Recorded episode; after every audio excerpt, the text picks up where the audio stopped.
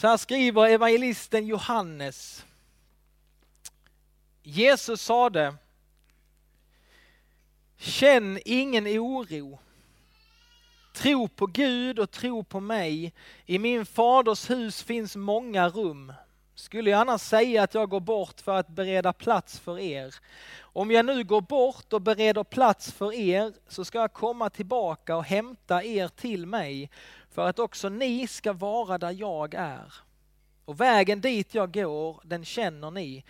Thomas sade, Herre, vi vet inte vart du går. Hur kan vi då känna vägen? Jesus svarade, jag är vägen, sanningen och livet. Ingen kommer till Fadern utom genom mig. Om ni har lärt känna mig ska ni också lära känna min fader. Ni känner honom redan nu och ni har sett honom. Filippos sade, Herre, visa oss Fadern. Det är nog för oss. Jesus svarade, så länge har jag varit tillsammans med er och ändå känner du mig inte, Filippos. Den som har sett mig har sett Fadern. Hur kan du då säga visa oss Fadern? Tror du inte att jag är i Fadern och Fadern i mig? De ord jag säger er, de talar jag inte av mig själv. Fadern är i mig och utför sina gärningar. Tro mig när jag säger att jag är i Fadern och Fadern i mig. Eller tro åtminstone för gärningarnas skull. Sannerligen jag säger er, den som tror på mig, han ska utföra gärningar som jag och ännu större. Ty jag går till Fadern och vad ni än ber om i mitt namn ska jag göra så att Fadern blir förhärligad genom Sonen. Om ni ber om något i mitt namn ska jag göra det. Så lyder det heliga evangeliet. Lovad vare du Kristus. Varsågoda och sitt. Här är ju så mycket i den här texten som man skulle kunna stanna vid, men man får välja lite vad man ska stanna upp inför.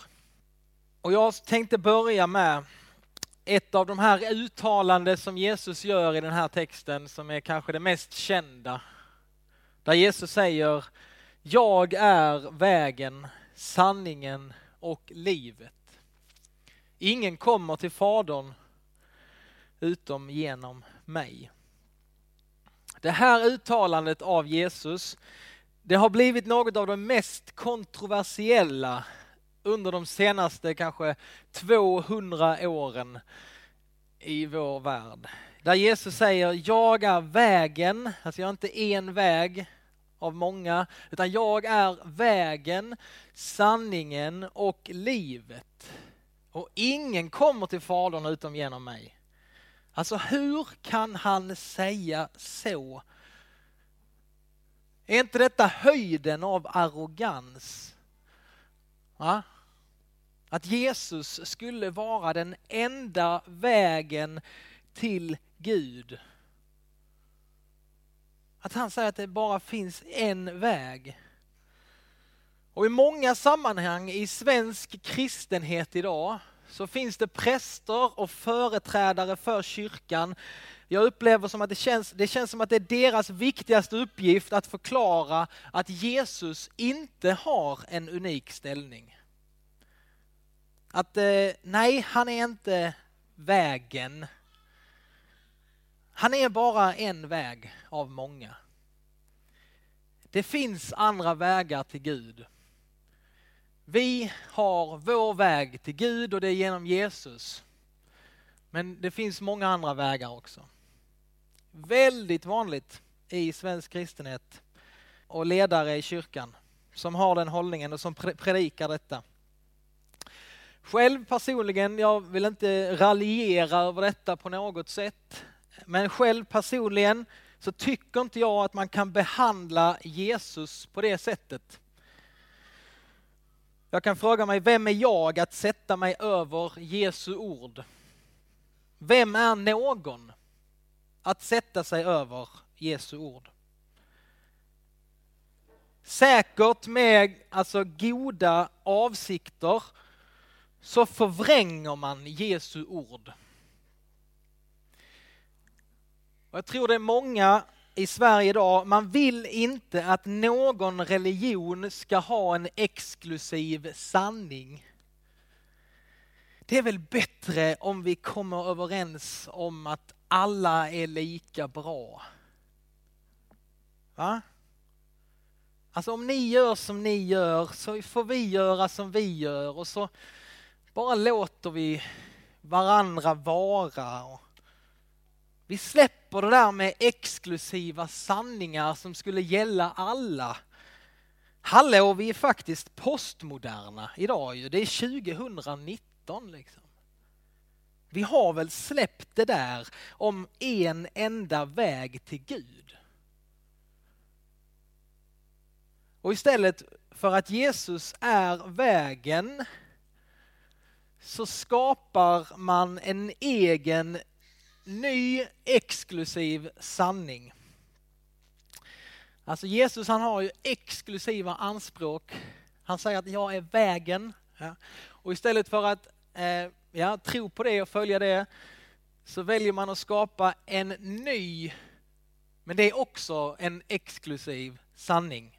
Man kan säga varje religion har sett olika sanningar om Gud, men ingen av dem har sett hela bilden.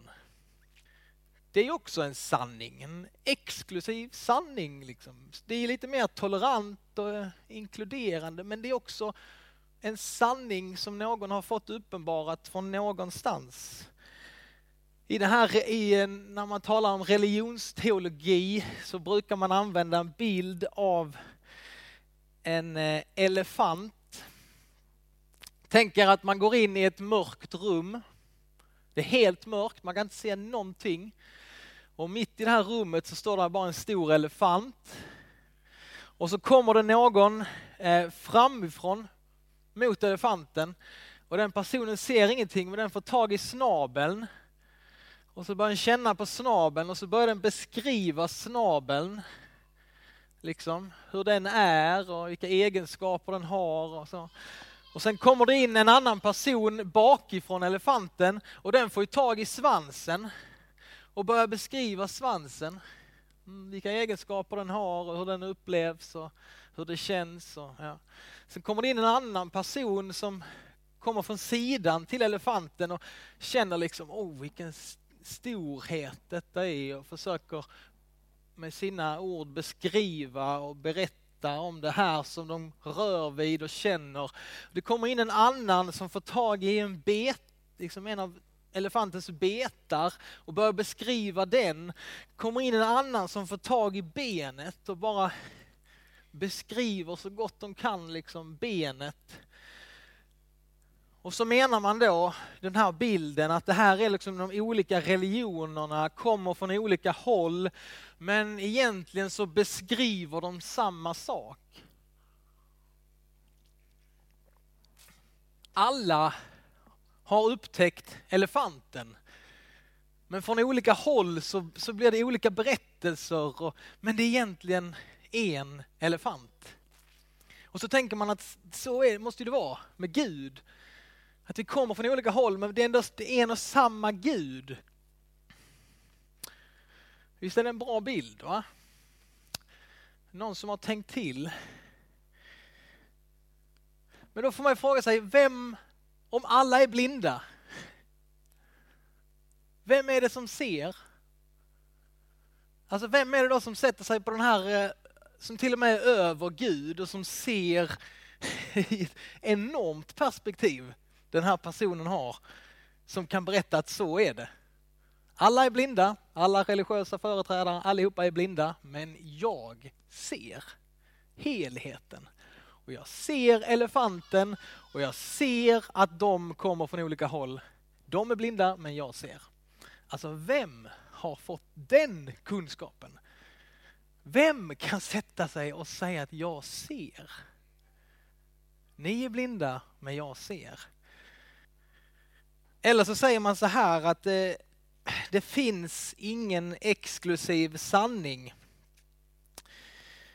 Det har ni säkert hört och stött på. Va? Det finns ingen exklusiv sanning. Allting är relativt. Det som är sant för dig behöver inte vara sant för mig. Och då är, har man också den här önskan att man vill ta bort det exklusiva anspråket, liksom den exklusiva sanningen från religionen. Men vad gör man? Jo, man skapar en ny exklusiv sanning som då alla ska hålla med om. Då skulle man egentligen ha sagt, alltså, om man ska vara hederlig, då ska man säga det finns inga absoluta sanningar och därför är inte detta påståendet heller sant. Är ni med? Tittar ni på någonting där? Ah, ja, vi kan ta bort den så länge. Jag märkte att ni var lite distraherade. Nu får jag säga det här en gång till alltså, för att detta är viktigt. Om man då säger att det finns inga absoluta sanningar, då måste man också säga det finns inga absoluta sanningar och därför är inte heller detta påståendet sant. Är ni med? Och vem kan veta detta? Vem kan veta detta att det finns inga exklusiva sanningar? Vem kan veta det här om elefanten? Det är ju mänskliga påhitt. Det är mänskliga konstruktioner för att få liksom få ihop det på något sätt. Och istället för att böja oss under Gud, så som kristna har gjort i alla tider, så har vi börjat kontrollera Gud istället. Vi bestämmer vad Jesus menade och inte menade. Vi sätter gränser för honom. Vi vet bättre idag än vad han gjorde då. Är inte detta arrogant? Nu kommer citatet här. Av Timothy Keller som har hjälpt mig mycket i de här tankarna. Och han skriver så här, och nu får ni hänga med också. Det är alltså inte mer trångsynt att hävda att en viss religion är sann än att hävda att, ett, att ett visst sätt att betrakta alla religioner, nämligen att alla är likvärdiga, är sant. Alla har vi exklusiva uppfattningar om religion, bara på olika sätt. Alltså, alla har vi exklusiva uppfattningar om religion, men vi, vi har det bara på olika sätt.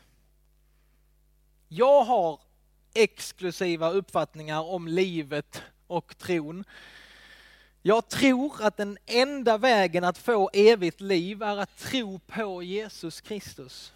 Han och ingen annan är vägen till Fadern.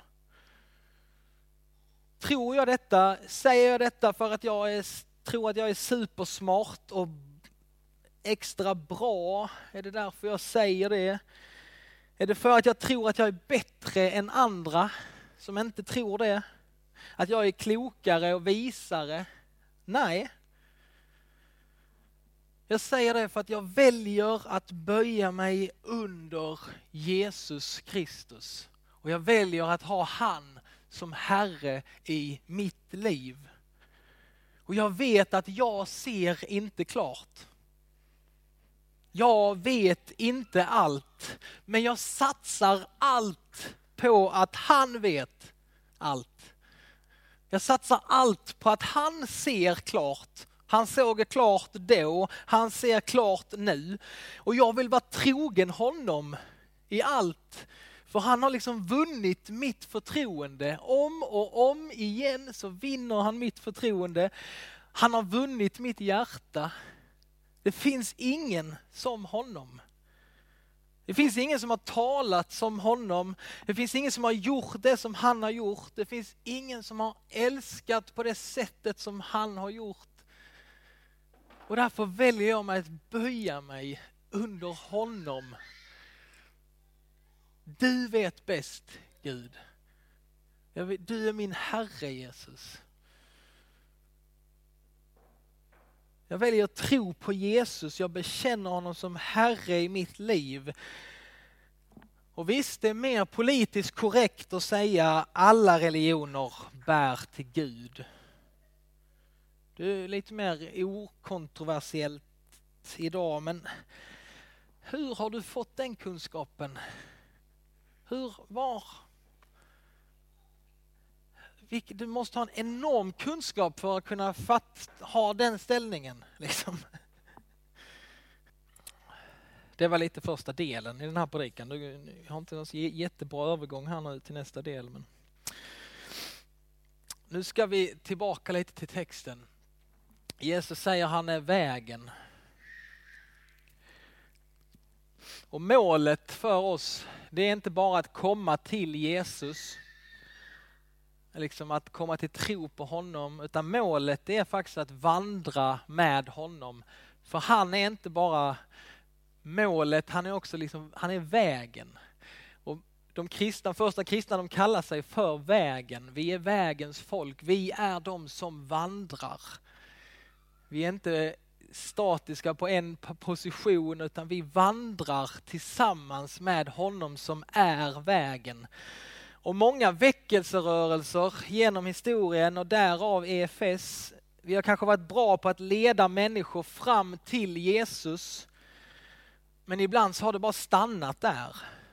Vi har kanske kunnat visa människor till Jesus, tron har väckts men vi har varit sämre på att leda liksom personen in i en fördjupad vandring tillsammans med Gud. Och det finns risk då att den här nyfunna tron, den här liksom, den kanske har slocknat efter ett tag. För man har liksom inte kommit igång och vandrat med Gud. Jag kom till tro, men vad händer nu? Har jag bara fått en biljett till himlen och ska sitta och vänta på himlen eller vad, vad är det? Hur vandrar jag med honom? Målet är inte bara att komma fram till Jesus, utan målet är att vandra med honom varje dag. Målet är inte bara att fira gudstjänst här en gång i veckan. Målet är att hela våra liv ska få vara en gudstjänst när vi vandrar med Jesus. Målet är att du och jag, vi ska vara helhjärtat överlåtna lärjungar till Jesus 24 timmar om dygnet. Och jag tror detta är viktigt för oss just nu. Vi ser nya människor komma hit i vår gemenskap. Människor kommer till tro i vår församling. Och då behöver vi vara människor som själva vandrar tillsammans med Gud vi kan inte leda människor vidare om vi har stannat på vår egen vandring med Gud. Utan vi behöver vara i rörelse. Vi behöver vandra med honom och då kan vi också ta med flera på den vandringen.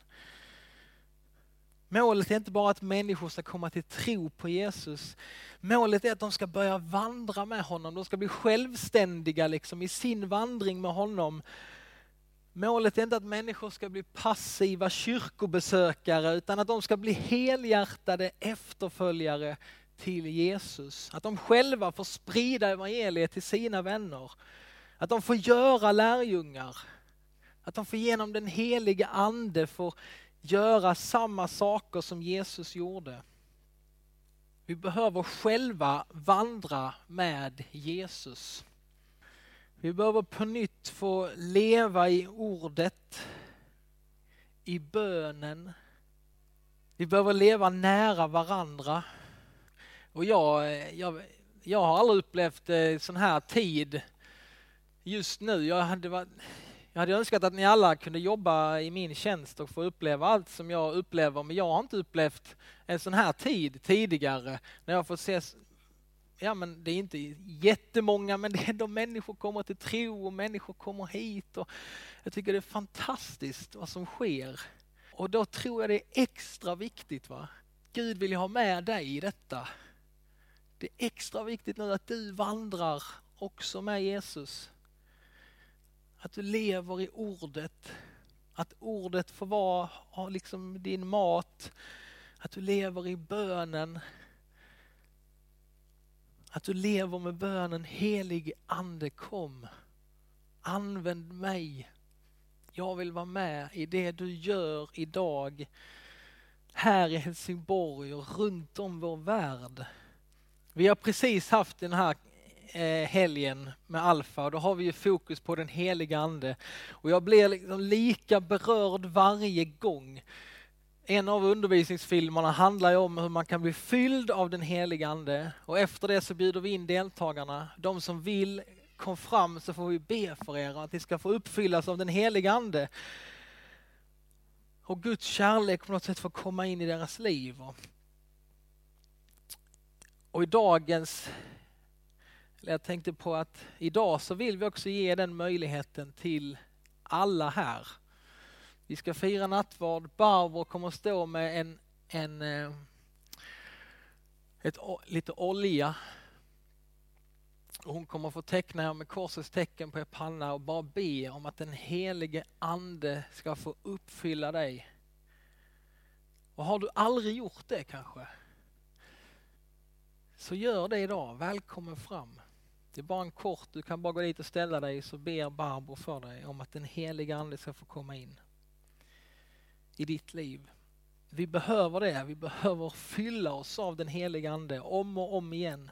Och I slutet på den här texten som jag läste från Johannes så, så äh, säger Jesus så här, han talar om anden, att vi, vi ska få utföra samma gärningar som Jesus gjorde. Det står att vi ska få göra ännu större gärningar än Jesus gjorde. Är det verkligen sant? Ja, det är sant. Vi ser det. Just nu så ser vi det hända. Alltså idag så blir fler botade av Jesus Kristus från sjukdom eh, än under Jesu treåriga verksamhet. Idag så blir mängder av människor får uppleva mirakel, helande. Det är inte färre idag som vi kanske tror man skulle varit med på Jesu tid. Nej, det är fler idag. För vi lever i andens tid. Idag sker fler mirakel världen över än på Jesu tid. Idag har evangeliet nått längre än på Jesu tid. Idag tar ungefär 90 000 människor världen över beslutet att bli Jesu lärjungar. Kan man få ett amen på det eller? Nästan där. Gött. För just nu så lever vi inte på Jesu tid, vi lever i den helige andes tid. Och vi får vara med och göra de saker som Jesus gjorde, till och med större. Och därför ska vi vara så tacksamma för den här, för den helige ande som Gud har gett oss. Den här hjälparen som Jesus har sänt till oss. Vi ska vara så tacksamma för honom. Paulus säger att vi kan att vi kan bedröva honom, står det. Vi kan bedröva den helige Ande. Låt oss inte göra det. Låt oss vara tacksamma och få be till honom. Helig Ande, jag behöver dig i mitt liv. Jag vill inte bedröva dig. Jag vill att du ska vara i mitt liv och leda mig. Det står att vi kan utsläcka anden skriver Paulus. Anden är som en eld inom oss och det står att vi kan släcka den elden med hur vi lever. Låt oss inte göra det. Anden är så viktig för oss. Den heliga ande är så oumbärlig. det är han som ger kraft, det är han som uppmuntrar, han som varnar oss, leder oss, han talar, han viskar saker i ditt inre. Och han har sin glädje att förhärliga sonen på faderns högra sida. Och vill också visa oss vägen till himlen. Det är Jesus. Jesus han är vägen. Han är inte i vägen. Han är vägen. Amen. Då ska vi få stå upp upp och som en respons på detta så får vi bekänna den tro som vi är döpta till. Vi tror på Gud Fader allsmäktig, himmelens och jordens skapare. Vi tror också på Jesus Kristus, hans enfödde son, vår Herre, vilken är avlad av den helige Ande, född av jungfrun Maria, pinad under Pontius Pilatus, korsfäst, död och begraven, nederstigen till dödsriket, på tredje dagen uppstånden igen ifrån de döda, uppstigen till himmelen, sittande på allsmäktig Gud faders högra sida, därifrån igenkommande till att döma levande och döda. Vi tror och på den helige Ande, en helig allmännelig kyrka, det heliga samfund, syndernas förlåtelse, det dödas uppståndelse. Och ett evigt liv.